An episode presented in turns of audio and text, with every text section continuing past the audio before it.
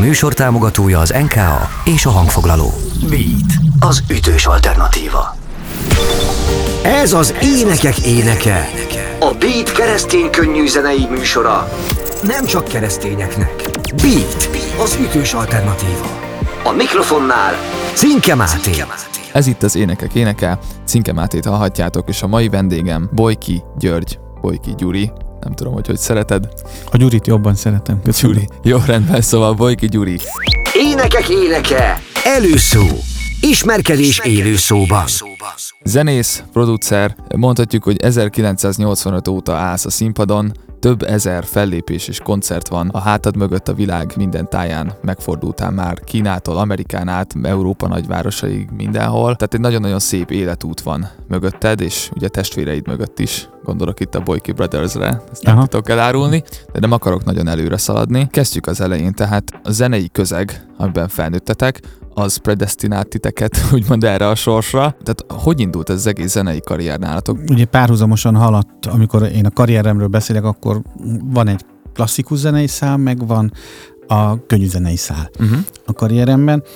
Öm, nálunk a családban kötelező volt mindenkinek zenét tanulni, édesanyám zongoratanárnő, Aha.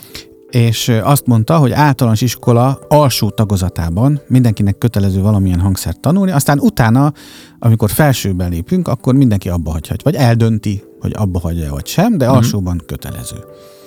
Úgyhogy én nagyon tisztán emlékszem, hogy egy szép nyári reggel jöttem le a padlásról, a lépcsőn, és anyukám megkérdezte, hogy Gyuri, akarsz csellózni? És én azt se tudtam, mi az a cselló. és mondtam, hogy igen. És akkor mondta, jó, mert hogy most összeismerkedett egy nagyon kedves cselló tanárnénivel. Annyi csak a probléma, hogy mi Biatorbágyon laktunk, az a zeneiskola pedig a 13. kerületben a Víg Színháztól nem messze volt. De nem jelentett ez nagy akadályt, úgyhogy én beiratkoztam csellózni 7 éves koromban, és hát onnantól kezdve így végigjártam a magyar képzési rendszernek minden uh-huh. fokát, Mhm. mint És szeretted csellista. egyébként? Tehát, mert most eléggé vakon vágtál bele ebbe a cselóba, úgyhogy azt se tudtad, hogy milyen hangszer. Aztán végül létrejött köztetek ez a kapcsolat? Én szerintem a legszebb hangszer a cselló. Aha. Tehát én, én nagyon megszerettem. Az igaz, hogy 14 éves koromig én mellette focista is voltam. Komolyan? Igen. És Na erre visszatérünk mindenképpen, mert én óriási foci rajongó vagyok. És uh, édesanyám azt, én focista akartam lenni. De, Én is. de, nem, de akkor még nem adott érettségit a központi sportiskola, Aha. mert szakmunkás képzőnek számított, és anyukám azt mondta, hogy jó, végezz el egy olyan iskolát, ahol adnak érettségit, és hogyha az megvan, akkor utána elmehetsz focistának. És én ezért mentem konziba. Wow, ez Mert nagyon hát- durva. Mert hát az, az világos volt, hogy a csellóhoz értek. Aha. És akkor elmentem a konziba, fölvettek, és akkor, akkor még a konzi nem úgy nézett ki, mint most napjainkban, hanem, hanem komoly tülekedés volt egy-egy helyér. Aha.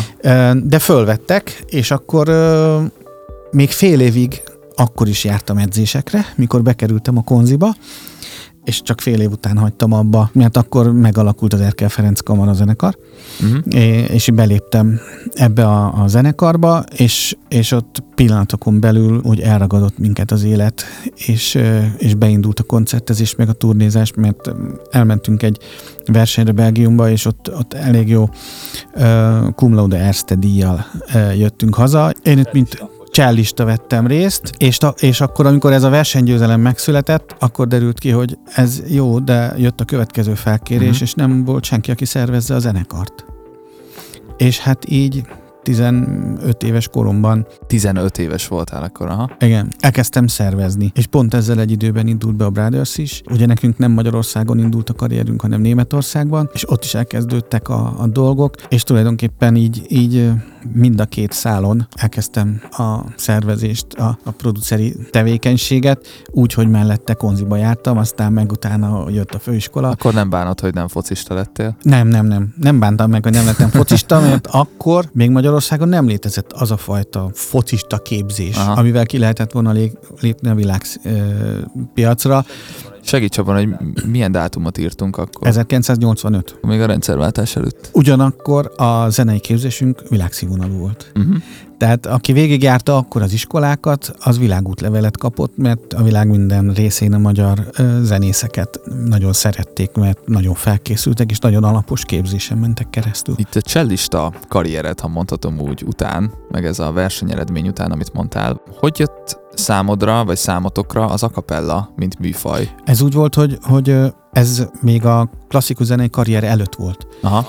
Tehát amikor mi otthon gyakoroltunk a házban, ugye öten voltunk testvérek, öt helységben mindenki gyakorolt. És, és nem unokatestvérekről van szó, hanem Igen, vér igen. szerinti testvérek. Igen. Aha.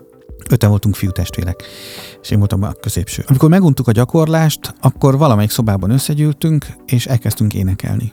Csak a magunk örömére, hogy ki pihenjen, ki menjen a fülünkből, meg a kezünkből, az, hogy már egy órája húzom a vonót, meg mit tudom én is így.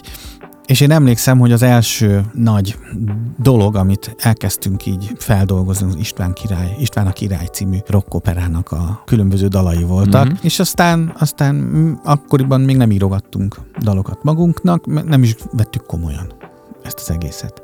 Magunk örömére énekelgettünk, és akkor egyszer jött egy fordulat, hogy hallott minket valaki Németországból, akkor ő meghívott magához, Igen, ezt egyszer mesélted, hogy, hogy éppen otthon voltatok, és megint ez az ikonikus padlás.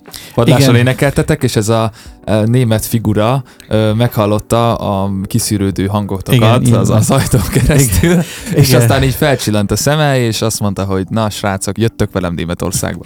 Igen, ez, ez így történt, és akkor mi hát egy kicsit megijedtünk, mert hát műsort kellett gyártani. Hát nekünk nem volt műsorunk, és hát ő akapellát szeretett volna, de hát mi nekünk nem voltak dalaink, mi nem írtunk akkor még semmit, tehát 14 éves voltam, én nem azzal voltam elfoglalva, hogy akapella jazz dalokat írjak. Egyébként a szabad kérdeznem, ki volt ez az úriember? Tehát, hogy nem hiszem, hogy ilyen sok olyan német ember járkál itt Magyarországon, aki így hirtelen gondol egyet, és felfuttat egy zenekart a nulláról. De nem ő futtatott föl, ő, ő, ő volt az első, de hát nem De ez ilyen nagyon Disney azt, mesésen hangzik, hogy felfedeztek minket. Ő, ő egy kastély tulajdonos bácsi volt, és a kastélyának az ezer éves születésnapjára készült, és azt mondta, hogy ő nagyon szeretné, hogy azon a születésnapi partin mi, mint produkció, lépjünk föl. Uh-huh. És mi ezért összehoztunk egy műsort. Tehát az kétségtelen, hogy az első műsorunkat ő miatta hoztuk létre, és ő miatta gyakoroltuk be, és csináltunk produkciót abból, hogy mi testvérekként előadunk Uh-huh. dolgokat. És akkor kimentünk hozzá, előadtuk a műsort, nem, már nem emlékszem, tehát három valami ilyen, ilyen, ilyen számú fellépésünk volt, és akkor jöttünk haza, akkor mondtuk, hogy Münchenben álljunk meg a sétáló utcában, ott van egy elég olyan, mint a mi Váci utcánk, tele sörözővel, és elintéztük a városházán, hogy kapjunk engedélyt a, ott azon a sétáló utcán énekelni. Erre engedély kell? Igen, igen, hát akkor úgy volt. Ja, értem. És akkor elintéztük ezt az engedélyt, és egy órát, tehát óránként lehetett engedélyt kérni, egy órát lehetett ott egy formáció azon a sétáló utcán, és az alatt az egy órát annyi pénzt kerestünk, hogy akkor még nyugatnémet márka volt, Uh-huh. Hogy teljesen így, így felvillanyodottunk, hogy hát figyelj, hát hogy, hogyha ezzel itt így ennyi pénzt lehet keresni, akkor egy koncertteremben valószínű még többet. És akkor, akkor így nagy kedvet is kaptunk hozzá, hogy akkor, akkor csináljuk. Aha. Tehát akkor a pénz motiválta az egész zenekar létrejöttét. Igen, igen. és aztán jött egy, egy másik úriember, egyik unokatesónk ismerőse volt, aki lemezt akart csinálni, megkért minket, hogy csináljuk meg a lemezét. És akkor megcsináltuk a lemezét, és, és mondta, hogy fú, hát ez, ez annyira jó, hogy akkor menjünk, koncertezzünk együtt. És akkor vele, hát én nem tudom, szerintem nincs olyan szeglete Németországnak, Ja, akkor ő is egy német úriember. Igen, volt. igen, Tehát két igen, különböző német úriember is rátok talált. Magyarországon, hozzáteszem. Magyarországról, igen. Ez, ez, igen. ez szép, szép történet. Hát ö, tulajdonképpen Van valamilyen német kötődés egyébként a családotoknak, hogy ilyen német úri emberek járnak Hát hozzátok? anyai ágon van 42 unokatestvérem, akik közül hatan vagy heten Németországban élnek. Aha. Csak azért kérdezem ezeket, hogy kicsit közelebb hozzuk a hallgatókhoz, hogy ez hogy valósult meg. Na, nekem meggyőződésem, hogy minden úgy történt, ahogy Isten elrendezte körülöttünk. Tehát Mhm. ez, a, ez az egész ilyen teljesen ö, valószínűtlen. Ugye mi a gyerekkorunkat, azt, azt szerintem nyugodtan mondhatod, hogy mély szegénységben töltöttük. Tehát ö, nem volt víz, a, a házban semmilyen csatorna, meg telefon, ilyesmi, semmi. Tehát nagyon, nagyon szegénységben nőttünk föl, de lelki luxusban. Hm. Énekek éneke, a Beat keresztény könnyű zenei műsora. Nem csak keresztényeknek. Beat, az ütős alternatíva. És akkor egyszer csak elindul a kamarazenekar, elindul a Brothers, és akkor persze, ahogy kell, először irgalmatlan mennyiségű pénzt elszórakoztunk, elültünk mindenre, és akkor tehát ugye olyan átbillen ilyenkor a, a, a túloldalra, és akkor utána. Szóval én nekem meggyőződésem, hogy, hogy mint ahogy életem minden lépésében ebben is Isten keze volt, hogy ez így alakult. És az egész zenekarnak az áttörést, ha jól tudom, a 2005-ös Gráci nemzetközi akapella verseny jelentette, hogyha nem tévedek. Hát nekem nem ez a megélésem. A 2005-ös akapella verseny az nem az áttörés volt, hanem a visszaigazolás. Uh-huh. Tehát 2000-ben az, hogy mi a Zeneakadémián megcsináltuk a koncertünket, és akkor nagyon megtapasztaltam, hogy mennyire egységes a jazz, magyarországi jazz szakma, mert szinte mindenki felhívott, hogy mit képzelünk mi.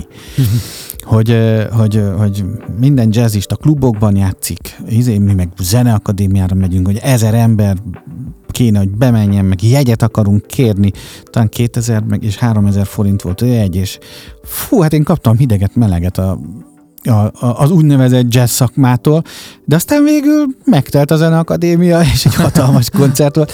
Tehát ha áttörés, akkor azt gondolom, hogy inkább ez. Uh-huh. Viszont uh, előbb volt a külföldi siker, és a külföldi áttörés, úgymond, és utána jött a magyar, ugye? Ez így Sorban van. így következett. Hát igen, a friceken megtanultuk a műsort, meg hogy mitől lesz jó, és akkor utána énekeltünk itthon. Tehát addigra, mire mi a Zeneakadémián felléptünk, addigra neki már sok száz koncertünk volt, és, és tényleg jó, jó produkciót csináltunk.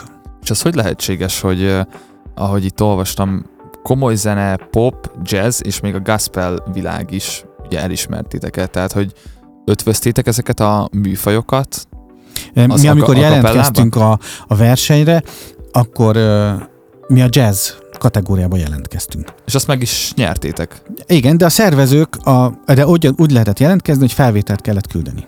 Uh-huh. És a szervezők azt mondták, hogy, hogy hát a mi dalainkon érzik, hogy ez ilyen gospel beütéses dolog is, hogy jelentkezünk a gospelbe is. Uh-huh. És akkor mi elmentünk, és, és akkor ebbe a, mind a két ö, versenybe beszálltunk. Először volt a gospel, és az nagyon érdekes volt, mert hogy azt nem nyertük meg, hanem másodikok lettünk, de nagy, nagy lett a felháborodás, mert mindenki szerint nekünk kellett volna megnyerni. És közönségdíjasok is lettetek. Igen, és, és, és a közönség úgy reagálta le ezt, a, ezt az egészet, hogy csak mire, miránk érkezett közönség szavazat. Tehát mind a két kategóriában úgy lettünk közönségdíjasok, hogy másra nem érkezett szavazat. Wow csak ránk. És akkor, akkor utána emlékszem, hogy, a, hogy a, nagyon elkeseredtünk, mert nem értettük, hogy, hogy miért van ez, és akkor a versenyszervezőségből valaki akkor, akkor meghívott minket, és akkor ott beszélt sokáig, hogy miért kellett ennek így lennie, meg minden, és akkor mi gondolkoztunk, hogy akkor el se indulunk a jazz versenyen, de végül is ja, tehát akkor elindul... meg volt a gospel eredményhirdetés, és utána Igen. jelentkeztetek még a jazzbe. Aha. Nem, előre be voltunk nevezve, csak úgy voltunk, hogy ha itt ilyen zsűrizés van, akkor inkább hazamegyünk. Aha. Tehát akkor még a produkció része még nem volt meg. Igen. Értem. És akkor akkor végül is ott maradtunk, az, az meg egy másik nagyon jó élmény volt, hogy mentünk beállni a jazz verseny, a döntő uh, előtt, és egy olyan együttes énekelt, egy Take Six dalt, hogy letettük a hajunkat, és mondtuk, hogy hát mi mit keresünk itt tulajdonképpen, ha, ha itt ilyenek vannak. És akkor ma, majdnem azért jöttünk haza, mert úgy megijedtünk, hogy nekünk ott semmi keresni valók nincs. De aztán, aztán végül is megnyertük ezt a, ezt a versenyt, és, és így tulajdonképpen azóta is azt hiszem, hogy mi vagyunk a verseny legeredményesebb együttese. Énekek éneke, a Beat keresztény könnyű zenei műsora. Nem csak keresztényeknek. Beat, az ütős alternatíva. És utána jöttek olyan nagy európai városok, ha jól tudom, mint Milánó, Amsterdam, vagy éppen Belgrád. Itt uh, ennek a Gráci díjesőnek, ha mondhatom így, az eredménye volt ez, hogy felfigyeltek rátok? Utána azért volt jó néhány év, amíg nem tehették meg a valamire való fesztiválok, hogy minket nem hívnak meg. Aha. Tehát mi akkor felültünk a trónra, és, és ott is örögtünk. Az akapella trónjára? Igen, igen. Aha. Igen, tehát ez a, ez a Boyki Brothers jelenség, ez tulajdonképpen 15 év alatt beette magát a, a nemzetközi zenei És volt életbe. valami nemzetközi ilyen PR menedzseretek, vagy Nem, összekötőtök? Nem, mindent én intéztem. Te, te konkrétan te? Egy Igen. személyben? Igen. Akkor angol tudásod is volt. Ezek szerint. Amennyi kellett annyi. Amennyi kellett. We are the boy. És mellette még, ha jól tudom, producer is volt. Tehát, talán a Boyki Brothers lemezek, nem tudom, hogy mindegyikéne, de voltál hangmérnöki funkcióban is. Mert nem volt más. Tehát ma már nektek elképzelhetetlen az, hogy, hogy mekkora nem tudás volt Magyarországon. Szóval ezek történelmi idők voltak még. Nyilván a kommunizmus lefagyasztotta egy kicsit a, Igen. az időt nálunk. Igen, tehát sok stúdióban volt, és mindenhol azt mondták, hogy hogy ne tudnánk megcsinálni, sehol nem tudták megcsinálni. Uh-huh. És akkor a vége nem maradt más, mint hogy építettünk egy saját stúdiót. Azt láttuk, hogy a legnagyobb stúdiók is itt Budapesten mindent fel tudnak venni, de semmiben nem a legjobbak. Uh-huh. Világos, igen. Nekünk nem kellett semmi, csak énekhang, Viszont abból a úgyhogy legjobb. viszont abból a legjobbat szerettük Mhm, volna. igen. És nekem meg ö, nem volt másom, csak a fülem. Meg a bennem élő hangkép, hogy mit Mhm. szeretnék hallani, és akkor ezt, hát ugye nem véletlen a lemezünk, az két évig készült. Fruit of the Spirit, tehát a lélek gyümölcsei lemezről beszélünk. Tehát Igen. az született két éven keresztül, Igen, és annak voltál már te, az újdonsült hangmérnöke. igen. És 2007-ben elindultatok az USA-ba. Az is ilyen meghívásos alapú volt, hogy jött egy amerikai úriember, Nem, aki 2000 meghallott titeket Mi Magyarországon. 2001-ben indultunk el az USA-ba. Tehát amikor mi a lemezt csináltuk, akkor ebből ilyen nagy hír lett. És egyszer csak megjelent egy amerikai úriember, hogy Ezt, ezt viccből akartam mondani, hogy akkor megint ez van, hogy egy, egy, egy úriember megjelenik abból az országból, Igen. ahova éppen menni akartok. előtte Igen. volt olasz is, egy tésztagyáros, Na, de és ő nem akarta szóba. a száz éves tésztagyári fordulójára meghívni titeket, hogy énekeljetek. Ö, De hogy, de hogy kiderült, hogy a David kiadó jelezte, hogy őket nagyon érdekli ez a lemez. Uh-huh. És akkor elküldtük nekik már a, a demo anyagot, amire azt mondtuk, hogy na ezen már egy picit fogunk csak pofozni, nagyon tetszett nekik, és akkor elkezdtünk előkészíteni egy megállapodást, és aztán jött 2001. szeptember 11-e. Uh, És lefagyott az egész világ, Amerika is lefagyott, és mm, egyszerűen elúszott ez a projekt. így utólag egyébként ezt, ezt bánod? Tehát úgy érzed, hogy hogyha az akkor és ott összejön, akkor öm, olyan lehetőségek ö, nyíltak volna még előttetek, ami még jobban előre lendítik a karriereteket? Ez egy nagyon... Tudom, ez most nehéz, mert ez már csak fantáziálás, hogy mi lett volna, ha. De- Nem, tudod, ez úgy van, hogy Van-e miatt hiányérzeted?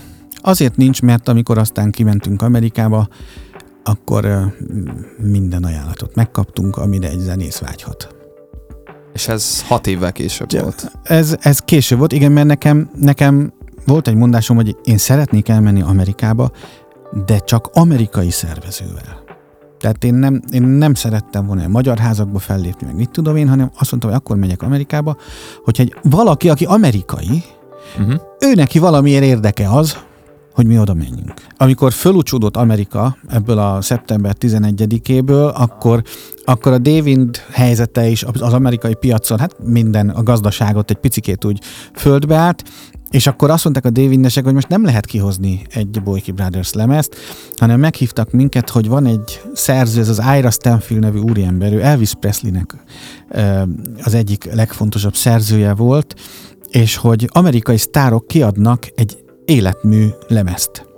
Uh-huh. Ira Stanfield életmű lemezt, és mindenki egy tracket énekel.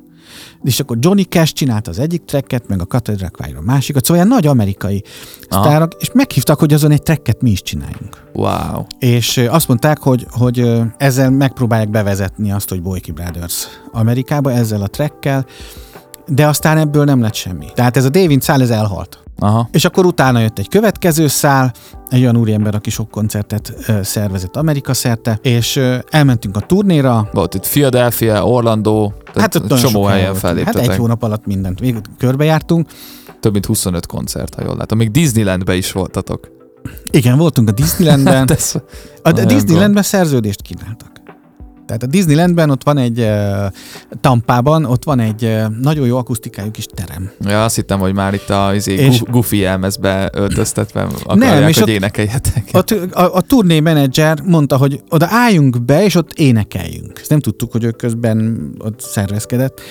És akkor ott hallottak minket illetékesek, és akkor ak- akkor, akkor volt az, hogy, hogy hát most dönteni kell, hogy akarunk-e Amerikában Letelepedni tulajdonképpen. Szóval én Aha. azt láttam, hogy Amerikában most oda menni pénzt keresni, az annyira nem volt érdekes, mert sokkal közelebbi helyeken is lehet pénzt keresni. Tehát Németországban akkor is több pénzt lehetett keresni, mint Amerikában, Mhm. mm-hmm. azzal, hogy koncertezem.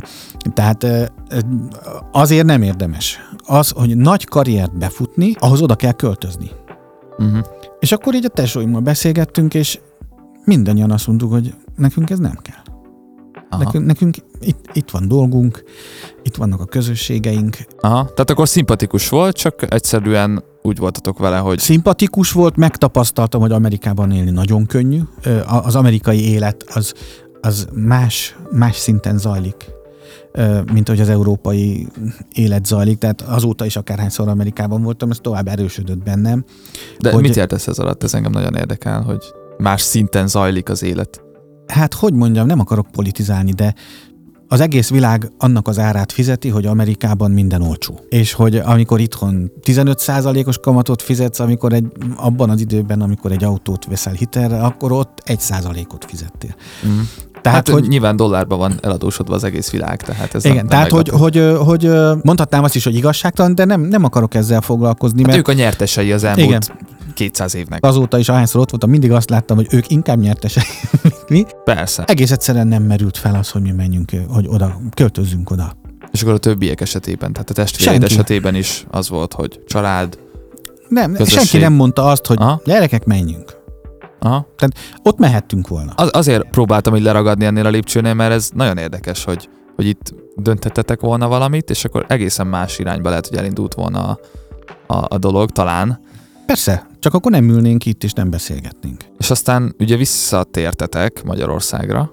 Hát persze. Nem tudom, mennyi időt töltöttetek ott? Egy, Az a turni az egy hónap volt. egy hónapot, aha. Viszont utána egy még távolabbik pontról, Kínából érkezett hozzátok egy megkeresés, vagy felétek, Az egy, az egy hosszú történet volt. egy mert- évvel később. De igen, csak úgy volt, hogy ö, 1999-ben a kamarazenekarommal voltam Kínában. Uh-huh. Tehát az nem a brothers volt, hanem a kamarazenekarommal. Aha. Azt, a, azt én szerveztem, Ja, Azt a- hogy már ott a- elindult ez a... azt a turnét, és, Kontakt? és a Kína, Kína az egy, ott minden az állam kezében volt akkor.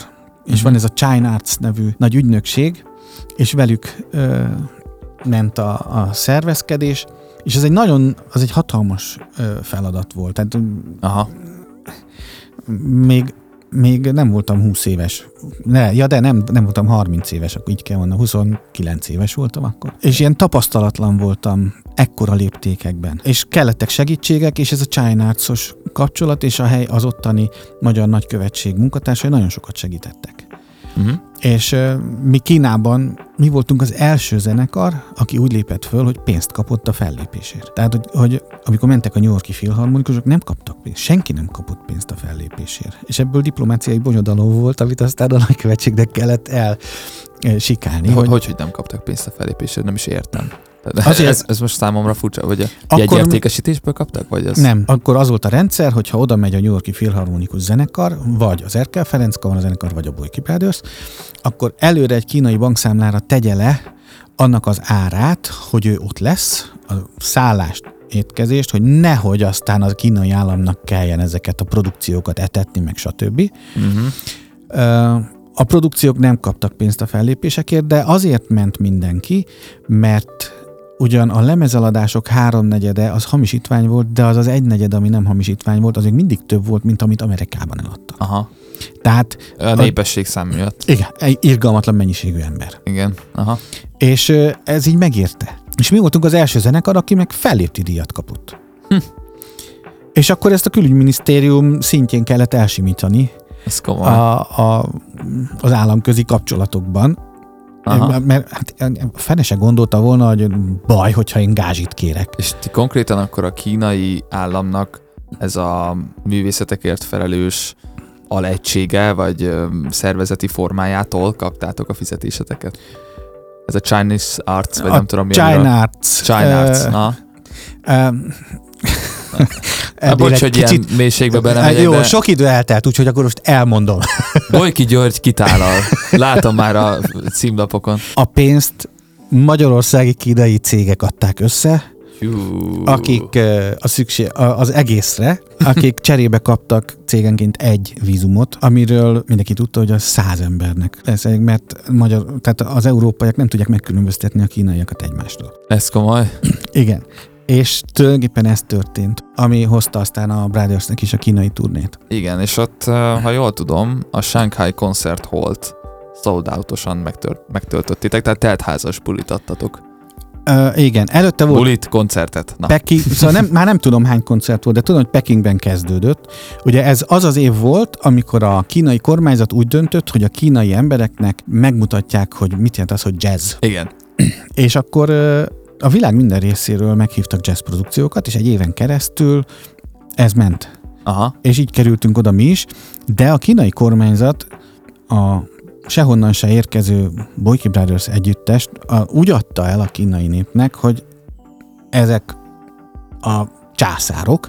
Ha. Mikor megérkeztünk, akkor a, a taxinak a fejtámláján Boyki Brothers reklámok voltak kitéve Pekingben. Megérkeztünk a hotelba, és akkor ilyen dupla ember nagyságú posztereken találkoztunk magunkkal szemben.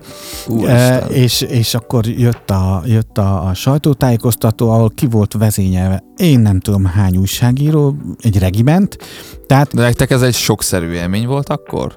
egy, már túl voltam rajta. Tehát tudod, addig érdekes az, hogy hány embernek játszol, amíg egyszer nem mondja be a rádió, hogy 10 millióan hallgatták ezt a koncertedet az ebun keresztül. Onnantól kezdve már mindegy, hogy hány ember hallgatja. Ugyanígy a, addig volt érdekes, hogy autogramot adok, amíg egyszer Valenciában nem kellett 1500 autogramot adni. Utána már nem érdekes. Tehát, hogy ezek a jelenségek, ezek így kísérték a, a, a, az életünket. Amikor ezzel szembesültünk, akkor én igazából azt mondtam, hogy ez egy fantasztikusan működő gépezet, hogy ezt el tudja érni, hogy a kínaiak úgy tekintenek ránk, mint az Atya Úristenekre, és hogy ekkora poszterek, és, és a sehonnan se jövő uh, Boyki brothers mint sztárokat. Hát azért a sehonnan se jövő az Hát Kínából. Kína jön. szemszögéből. Igen. Tehát megtöltötték Pekingben a, a koncerttermet, Sáhájban. Ezek, ezek ilyen sok ezres termek. Tehát ott, ott nincsenek ilyen pici valamik. Ott annyi ember van, hogy a koncertelem, akkor az 5000 ember. És mennyi időt tartózkodtatok ott? Ú, én már nem És hány emlékszem. koncertet adtatok Arra körülbelül? emlékszem. Arra se? De ilyen tíz meg volt? Nem tudom, az igazság, régen volt, és, és sok, sok minden volt, nem tudom. Uh-huh. Sáhára még visszakötve, hogy, Uh-huh. hogy a sáhái koncert volt az, amikor eldöntöttem, hogy én most kiszállok. Ezt akartam kérdezni, mert amikor um, utána néztem így a Boyke Brothersnek, mert um, én 97-ben születtem, szóval na, még nagyon fiatal voltam, amikor ti így a peak, a karrieretek csúcsán voltatok, és nekem ez utólag kellett uh, megnézni, hogy, hogy mi újság volt. Láttam olyan fotókat, amiken te személy szerint szerepeltél, és láttam, találkoztam olyan fotókkal is, amin te nem szerepeltél. Igen, És hogy ezt nem tudtam összerakni, és ezt mindenképpen meg akartam kérdezni. Igen ez, ez ö, 2008-ban volt.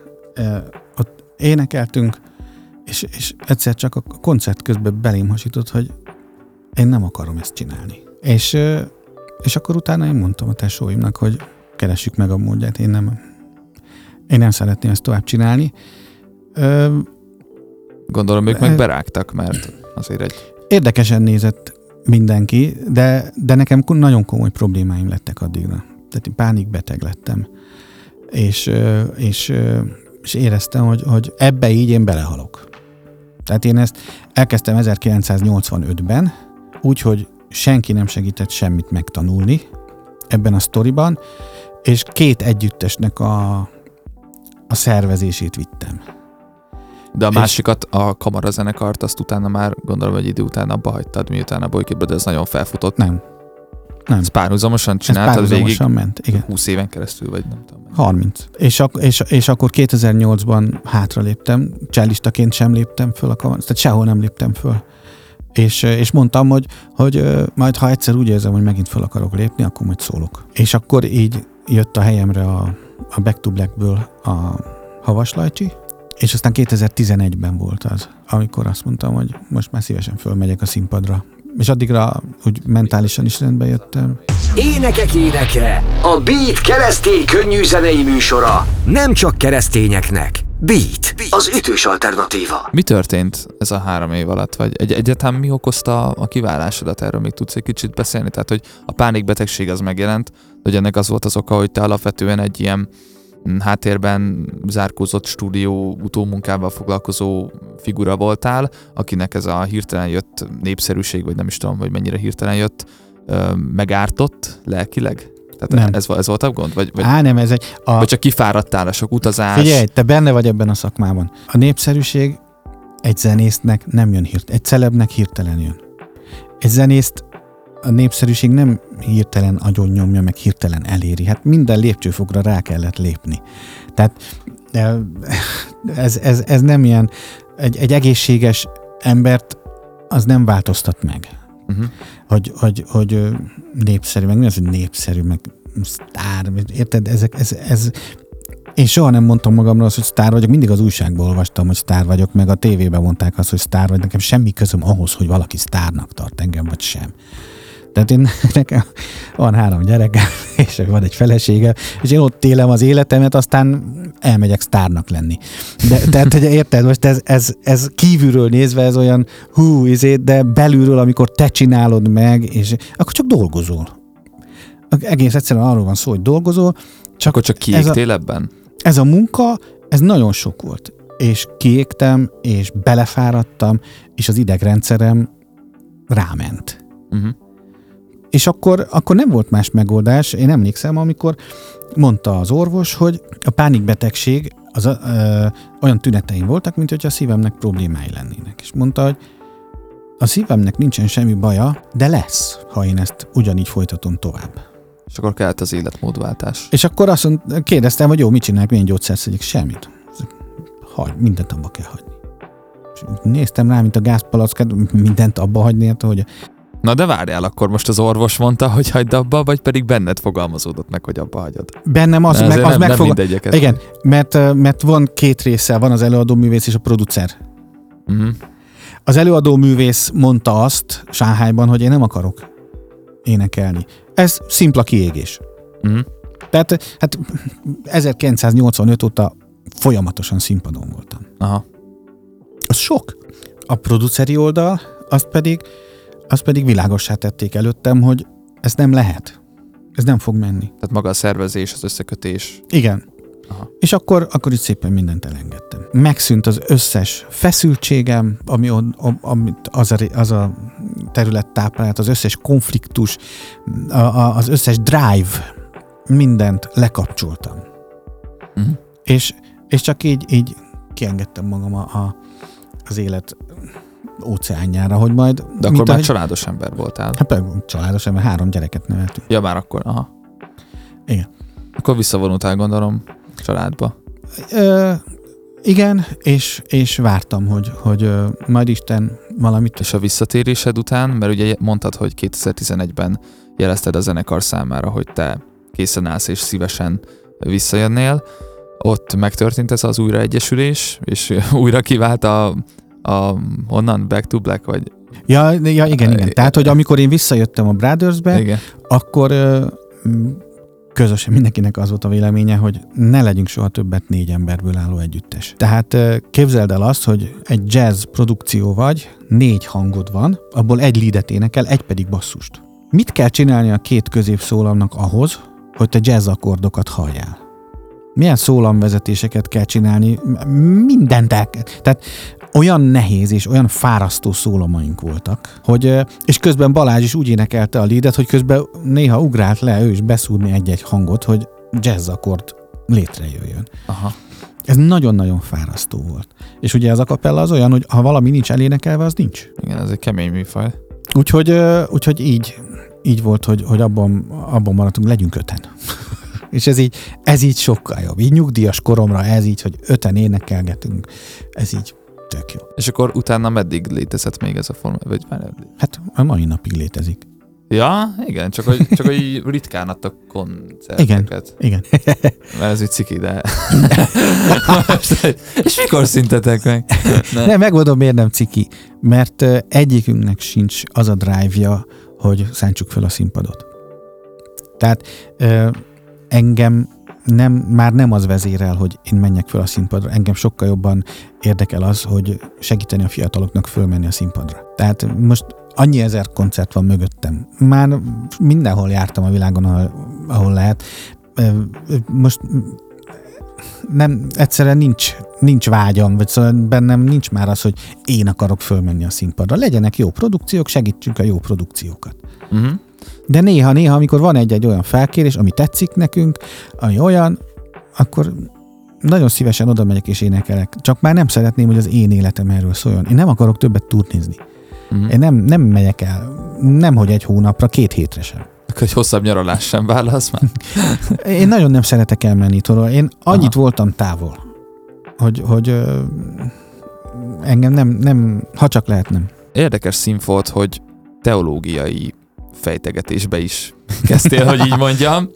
Ugyanis megjelent egy tanulmányköteted a jelenések könyvéről 2010-ben. Ennek mi volt az oka? Kiváltál a Boyki Brothersből 2008-ban, tehát miközben visszatértél a normál kerékvágásba, tehát a hétköznapi életbe, így előjöttek benned azok a gondolatok, hogy úristen, lehet, hogy mindjárt világvége van, és egy, e, tanulmányozni kéne a jelenések könyvét, vagy, Nem, vagy, vagy nem, minden, nem. minden összedől, vagy mert volt ez a mondás is, hogy 2012-ben világvége lesz. Ja, az engem nem Ja, nem érintett. érintett? Ja, jó, csak erre gondoltam hirtelen, hogy pont 2010 körül jelenések Nem, könyve. a jelenések könyvét tíz éven keresztül írtam. 2000-ben is ígértek egy világvégét, akkor lehet, hogy ami... Ö, Én ö, 1995-től négy éven keresztül heti három-négy alkalommal Balázs Kacsi bácsihoz jártam magánteológiai oktatásra és beszélgetésekre. Ő milyen felekezetből való, hogyha nem, nem indiszkrét, amit kérdezek. Ő egy református egyházhoz kapcsolódó Uh-huh. ember volt, lelkész is volt, nyelvész volt, és, és az ógörög és óhéber biblia tanulmányozást tőle tanultam. Uh-huh. és én rengeteget beszélgettem vele minden bibliai könyvről, de a jelenések könyvéről is. És a jelenések könyve kapcsán volt egy olyan problémám, hogy nem tudtam, nem találtam olyan könyvet, amiben azok az információk szerepeltek volna, amik, amiket én megértettem a jelenések könyvéből. Uh-huh. És ezért gondoltam, hogy akkor én ezt leírom. Mármint ezzel nem találtál olyan könyvet, itt most a, ebbe a Biblia is beleértendő, tehát hogy nem találtál olyan Magy- fordítást. olyan magy- magyarázatot. Aha. Nem találtam olyan magyarázatot, ö, se magyar, tehát nem, nem volt. És akkor, akkor gondoltam, hogy én ezt leírom. Ugye belebotlottam abban, hogy, hogy minden egyes információt le, le akartam ellenőrizni. Tehát én akkor nekiálltam a nulláról egy exegézist csinálni, minden egyes szót megvizsgálni, és akkor emlékszem, hogy ez az a tíz év alatt a világ összes valamire való könyvtárába be voltam iratkozva Uh-huh. És, és, és vásároltam a világ minden részéről a kódexeket, meg a, a mindenféléket, hogy, hogy, hogy lássam, hogy egy-egy kérdéskör hogy van feldolgozva. Ne, nekem ezért tartott tíz évig, Uh-huh. és akkor így jelent meg 2010-ben. Meg hát mellette nyilván volt egyéb elfoglaltságod a Kínában, meg Amerikában, meg Egy, itt igen, ott. egy kis, egy néhány dolog, igen. Igen, igen. 2020-ban megalakult a Szikra projekt, ami a keresztény könnyűzenének a felemelkedését szolgálja, és ebben te vagy a vezető. Ugye ez a Szikra projekt Szikra díját adó néven már előtte is létezett a korábbi években, azt hiszem 2016-tól, ha nem tévedek. Talán 15-ben adtuk. Akkor 15-ben adtátok át az elsőt. Én személyesen is érintett vagyok ebben a kérdésben, ugyanis a saját zenekarommal, a The Sign-nal 2019-ben ö, vettük át az első szikradíjunkat a tékozlóért, és hát azóta ennek már egy jó hagyománya lett, ha így mondhatom, mert vettünk át díjat ö, 2021-ben és 22-ben is. A 20-as év valamiért kimaradt, de mindegy. Tehát ez a, arról szól, tehát mondjuk el, hogy keresztény könnyűzenei előadóknak vagy zenekaroknak nyújtotok anyagi és szakmai segítséget, hogy ö, fellendítsétek az ő karrierüket, illetve hogy be tudják futni azt a célt, azt a potenciált, ami beléjük van kódolva, csak mondjuk nélkületek ez nem jöhetne létre. Igen, a karrierjével nem nagyon foglalkozunk a, a, a szikra akadémistáknak. Azzal foglalkozunk, hogy mindenkinek lehetősége legyen a maximumot kihozni abból, amit csinálni szeretne. Tehát mindig megkérdezzük mindenkit, te mit szeretnél? És aki meg tudja mondani, hogy mit szeretne, annak segítünk elérni azt, amit szeretne. És ez a, a Szikra tulajdonképpen ezért van, és a Szikra Akadémia ezért működik. Valamint amiben nekem még nagyon ikonikus a, a Szikra díj, vagy a Szikra projekt, mint olyan, az az, hogy szépen tudtátok szerintem kezelni azt a nézetkülönbséget, hogy a keresztény zene egyenlő a dicsőítő zenével. Mert ugye ez sokak fejében szerintem, legalábbis én így keresztény közegben, amikor jártam, ez, ez nagyon összemosódott, és ment a hadakozás. Lehet, hogy ez még most is így van, erről te tudnál inkább mesélni. Tudok, erről tudok, azt is tudom, hogy sok helyen emiatt békétlenségek is vannak. És szerintem a Szikra díj ezt nagyon jól kezelte, hogy külön dicsőítő kategóriát hoztak létre, és nem egybe volt az egész keresztény zene és dicsőítő zene uh-huh. kategória, hanem hogy külön volt véve a, a keresztény könnyűzene és a dicsőítő, Istent magasztaló énekek, dalok. Ebben igazad van, hogy valóban ezért van ez a megkülönböztetés, és ezért van a, a, a legjobb dal és a legjobb dicsőítő dal, mert ez egy valóban egy olyan markáns jelenség a keresztény zenei élet e, klímájában, hogy, hogy hogy ezt nem érdemes összekeverni. E- ezt valóban ez a helyzet hozta létre. Hogy tekintesz erre a projektre? Te most így két év távlatában hogy látod a, a, a célokat megvalósulni? Körvonalazódott most az, hogy, hogy mi a következő továbblépési e, pont. És mi az? Tulajdonképpen azt látom, hogy nyilván van, aki, aki így akkor nem annyira fejlődik, és van olyan is, aki fejlődik. Tehát ez a, ez a segítségadás, ez mindenképpen meg kell, hogy maradjon, de ami, ami most már égetően szükséges, az az, hogy, hogy valami olyan megoldást kell találnunk, hogy nincs, nincs infrastruktúránk, és csak hulladékidőket kapunk a stúdiókban. És most már jó pár lemezfelvétel van mögöttünk, ahol igenis kellett volna még két plusz nap. És, és van 5-6 olyan producer, akinek a munkában ez most már nagyon sokat jelentene. Uh-huh. És ez a, nagyjából ez az 5-6 producer szolgálja ki azért a keresztény könnyűzenei élet nagy részét. Igen, igen. Ezért én nagyon örülök annak, hogy van, van ez a támogatás, hogy mi a Szikrával tudjuk segíteni ezt a munkát, mert ha ez nem lenne, akkor ez egy helyben topogna. Igen, hát akkor, akkor semmi nem lenne igazából. Igen. Énekek éneke, mit ad Isten? A hit útja. Újra itt vagyok Bojki Gyurival, és eh, beszélgetni fogunk a hit útjáról. Ugye mondtad Gyuri, hogy hogy nálatok az egész családban ugye a vallás és a kereszténység az egy központi szerepet töltött be. Abból is következtetek erre, hogy mondtad, hogy tíz éve dolgozol, vagy dolgoztál azon a teológiai tanulmányköteten, amit a jelenések könyvéről írtál, tehát az azt jelenti, hogy már 2000-től körülbelül elkezdtél ezen dolgozni, és valószínűleg nem akkor csöppentél bele, tehát nem hiszem, hogy egy friss megtérő rögtön nekivágja a, a, azzal kezdő, hogy jelenések könyvét héberül elemezze, tehát feltételezem... Nem, az görögül van. Bocsánat, gö, igen, bocsánat, görögül. és tehát feltételezem, hogy már előtte is volt keresztény előéleted. Erről mit lehet tudni? Nekem magától értetődő volt, mert én egy keresztény családban nevelkedtem. És a szüleim gyülekezetbe jártak, és teljesen természetes volt, hogy vittek magunkat, magukkal minket. Úgyhogy gyülekezetben nőttem föl, gyülekezeti közegben nőttem föl, és éppen ezért nekem nincs egy olyan, olyan élmény, na, akkor tértem meg. Hanem, hanem én, én így bele, bele-bele növögettem Isten családjába, és, és így fokozatosan értettem meg a Biblia igazságait, és így, és így fogadtam be, és mosott át ez a, ez a dolog, és az a gyülekezet, ahol én fölnőttem, az egy keresztény testvérgyülekezet a neve, uh-huh. egy nagyon konzervatív ö, gyülekezet. Ott nem pap van, meg nem lelkész van, hanem a gyülekezet férfi tagjai tartják az ige hirdetéseket. És tulajdonképpen így volt az, hogy én... én De akkor pásztor sincsen? Nincsen. Akkor tulajdonképpen egy presbitérium, presbitérium van, van, és azok a vének, hogy így mondjam, a Igen. bibliai fogalmazás szerint, ők tartották akkor, vagy tartják mai napig ezeket a, a az, az hirdetéseket. És így a presbitérium, én amikor 21 éves voltam, akkor kért föl, vagy bízott meg, hogy igét hirdessek a gyülekezetben. 21 évesen? Igen, igen.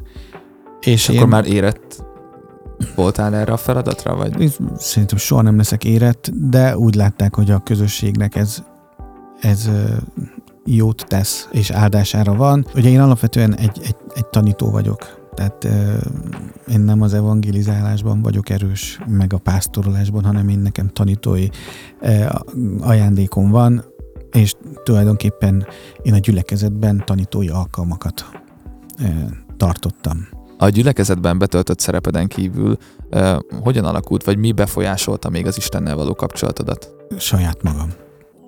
Én azt látom, hogy, hogy hogyha én egész életemben képes lettem volna azon az úton menni, amit Isten elém gördít, és előttem kikövez, akkor, akkor nem lettek volna varga betűim, akkor nem lettek volna hibáim, akkor kevesebb égettem volna meg magam az életben, de hát ugye nem vagyok tökéletes, és, és, és ezek így szegélyezik az én életemet, ezek a, a, a dolgok, de annak örülök, hogy, hogy azért a szívem a szívemben a legerősebb fundamentum az mindig az én Isten hitem volt, és, és az a szándék, hogy én szeretnék Istenhez ragaszkodni. Uh-huh.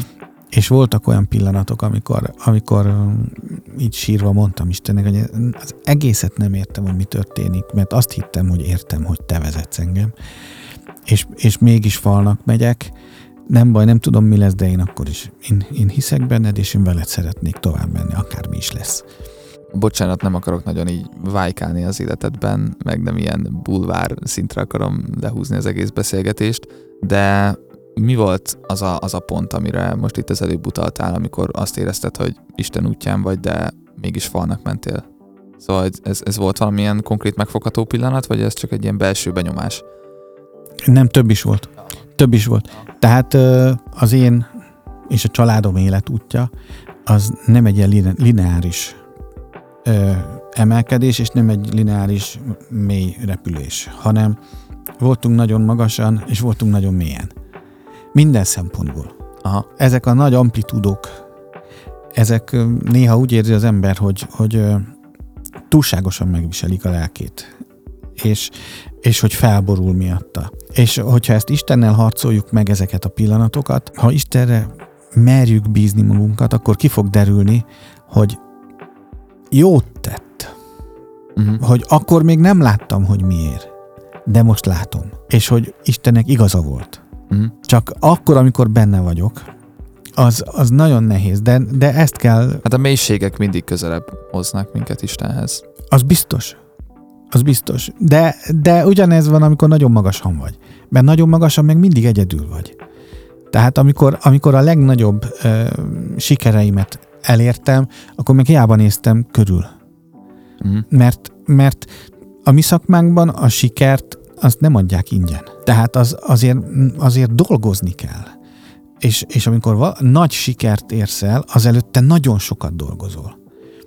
És, és végigmész egy folyamaton, amin senki más nem megy végig rajtad kívül. És akkor ott vagy fönt, és körbenézel, és nincs ott senki. De azért a te esetedben talán a testvéreid ott lehettek volna, így logikusan gondolva, mert ők ugyanazon mentek keresztül, mint te. Én nagyjából. talán annyit, ez, ez azok, azokra a dolgokra jobban igaz, amiket nem a brothers csináltam. Uh-huh.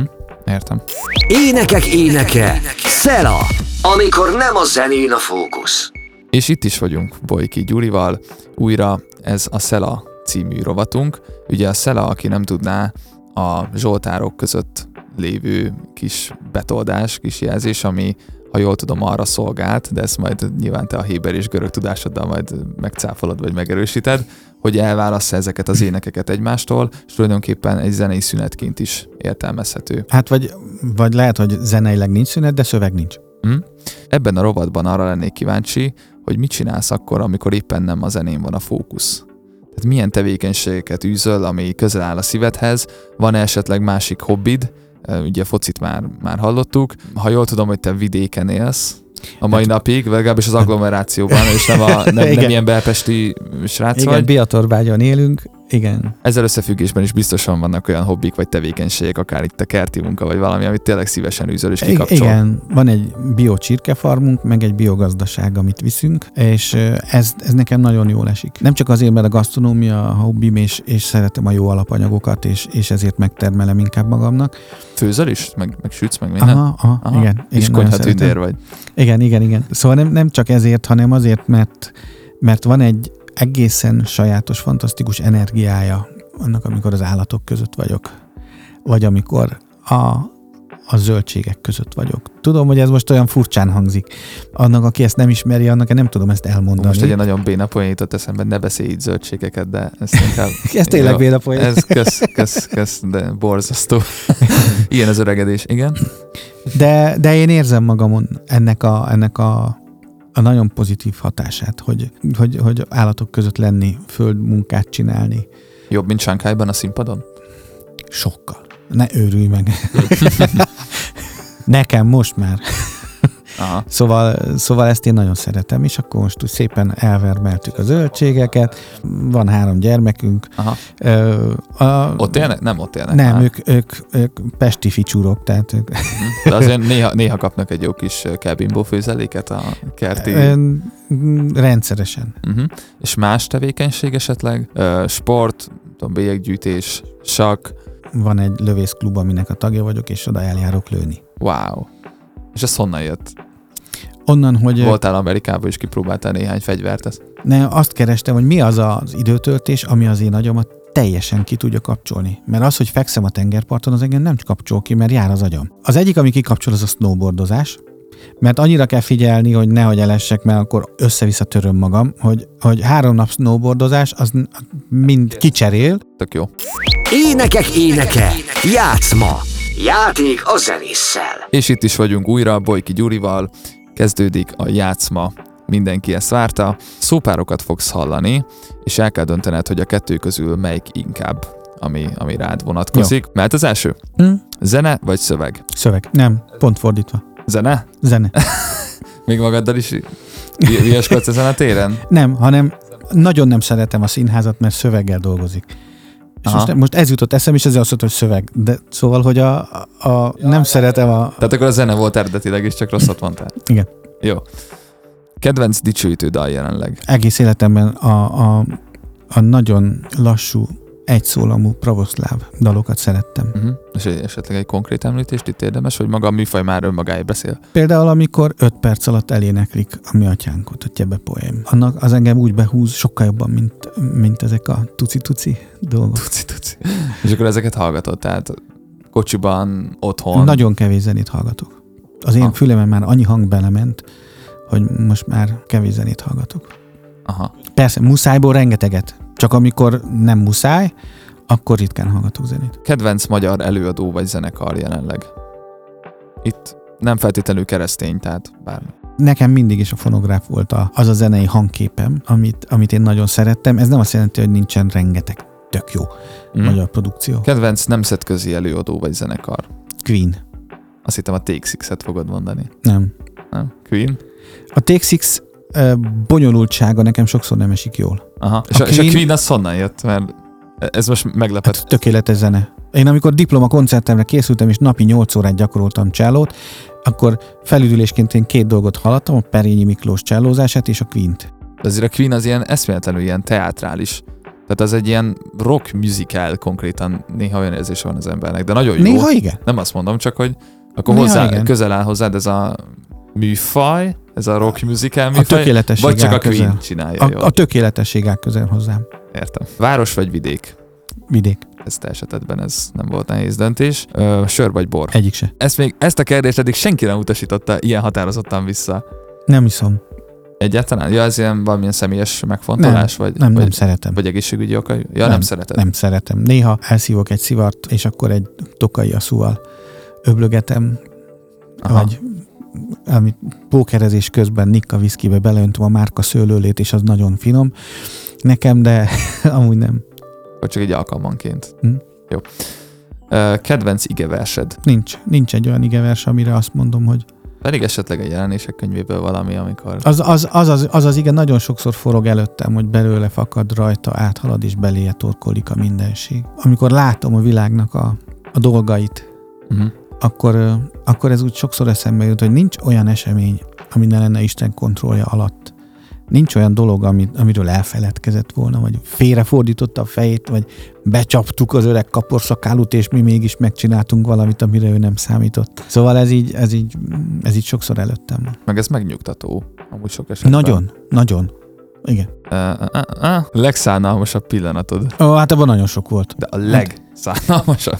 Elrontottál valamit, vagy ilyesmi. Nagyon beégtél. Hát nem, a- nem akkor voltam a legszánalmasabb. Tulajdonképpen, ha én elrontok valamit, akkor nem szánalmas vagyok. Akkor, akkor tanulok. Tehát én, én, én, én nagyon sok dolgot elrontottam, de az nem, az nem szánalomkeltő, hanem az egy folyamatnak a része. Uh-huh. Hogyha, hogyha az ember a, a hibáját látja, belátja, és, és levonja belőle azt, amit le kell vonni, akkor az nekem nem baj. Tehát én a, én a munkatársaimmal is úgy vagyok, hogy mindenki minden hibát elkövethet egyszer. Ha valaki másodszor is elköveti a hibát, az, az már baj. Tehát ugyanazt a hibát csak egyszer. De minden hibát el lehet követni. Tehát ne, ilyen nem, nem. De például én borzasztó megalázónak éreztem, amikor egy zeneakadémiai koncertünk előtt a zenekari társaim eldugták a cipőmet, és mezitláb kellett bemennem. Uh. Tehát ez, ez, ez például... Nem voltál jobban velük, vagy? Nem, hanem vannak ilyen, ilyen dolgok, amiket direkt csinálunk. Hát ugye ez egy ilyen baráti körként is működött, hogy, Mm. hogy olyan ciki behozni a másikat, ami ott abban a pillanatban borzasztó, de utána életed végéig mesélheted, és röhöghetsz rajta. Ez jó amúgy. Ez jó. Szóval ez, ez Hát egy akkor figyelj, volt. ezt, ezt, ezt, akkor nem bántad meg, ezt a sztorit. Hát most Nem, most már, beszélünk. most már szívesen röhögök rajta. Ja, csak akkor azért, volt szánalmas. azért bemenni ezer ember elé a Zeneakadémián mezitláb, az, kemény, kemény. az, az egy ilyen nehéz pillanat volt. Kedvenc bibliai szereplőd van-e, akivel úgy azonosulni tudsz a leginkább? Hát én Pálapostolt nagyon bírom. Mhm. Egy ilyen hebrencs, szétesett, Szétesett? igen, mindenféle nyavajája van, nem tudsz megmaradni mellette 20 percig. Ö, Nekem valahogy nem De- ezek jutnak eszembe Pál apostolról. De közben, de közben egy olyan isteni kijelentés hordozója, ami miatt meg mégiscsak, mégiscsak az ő jelenléte áldás.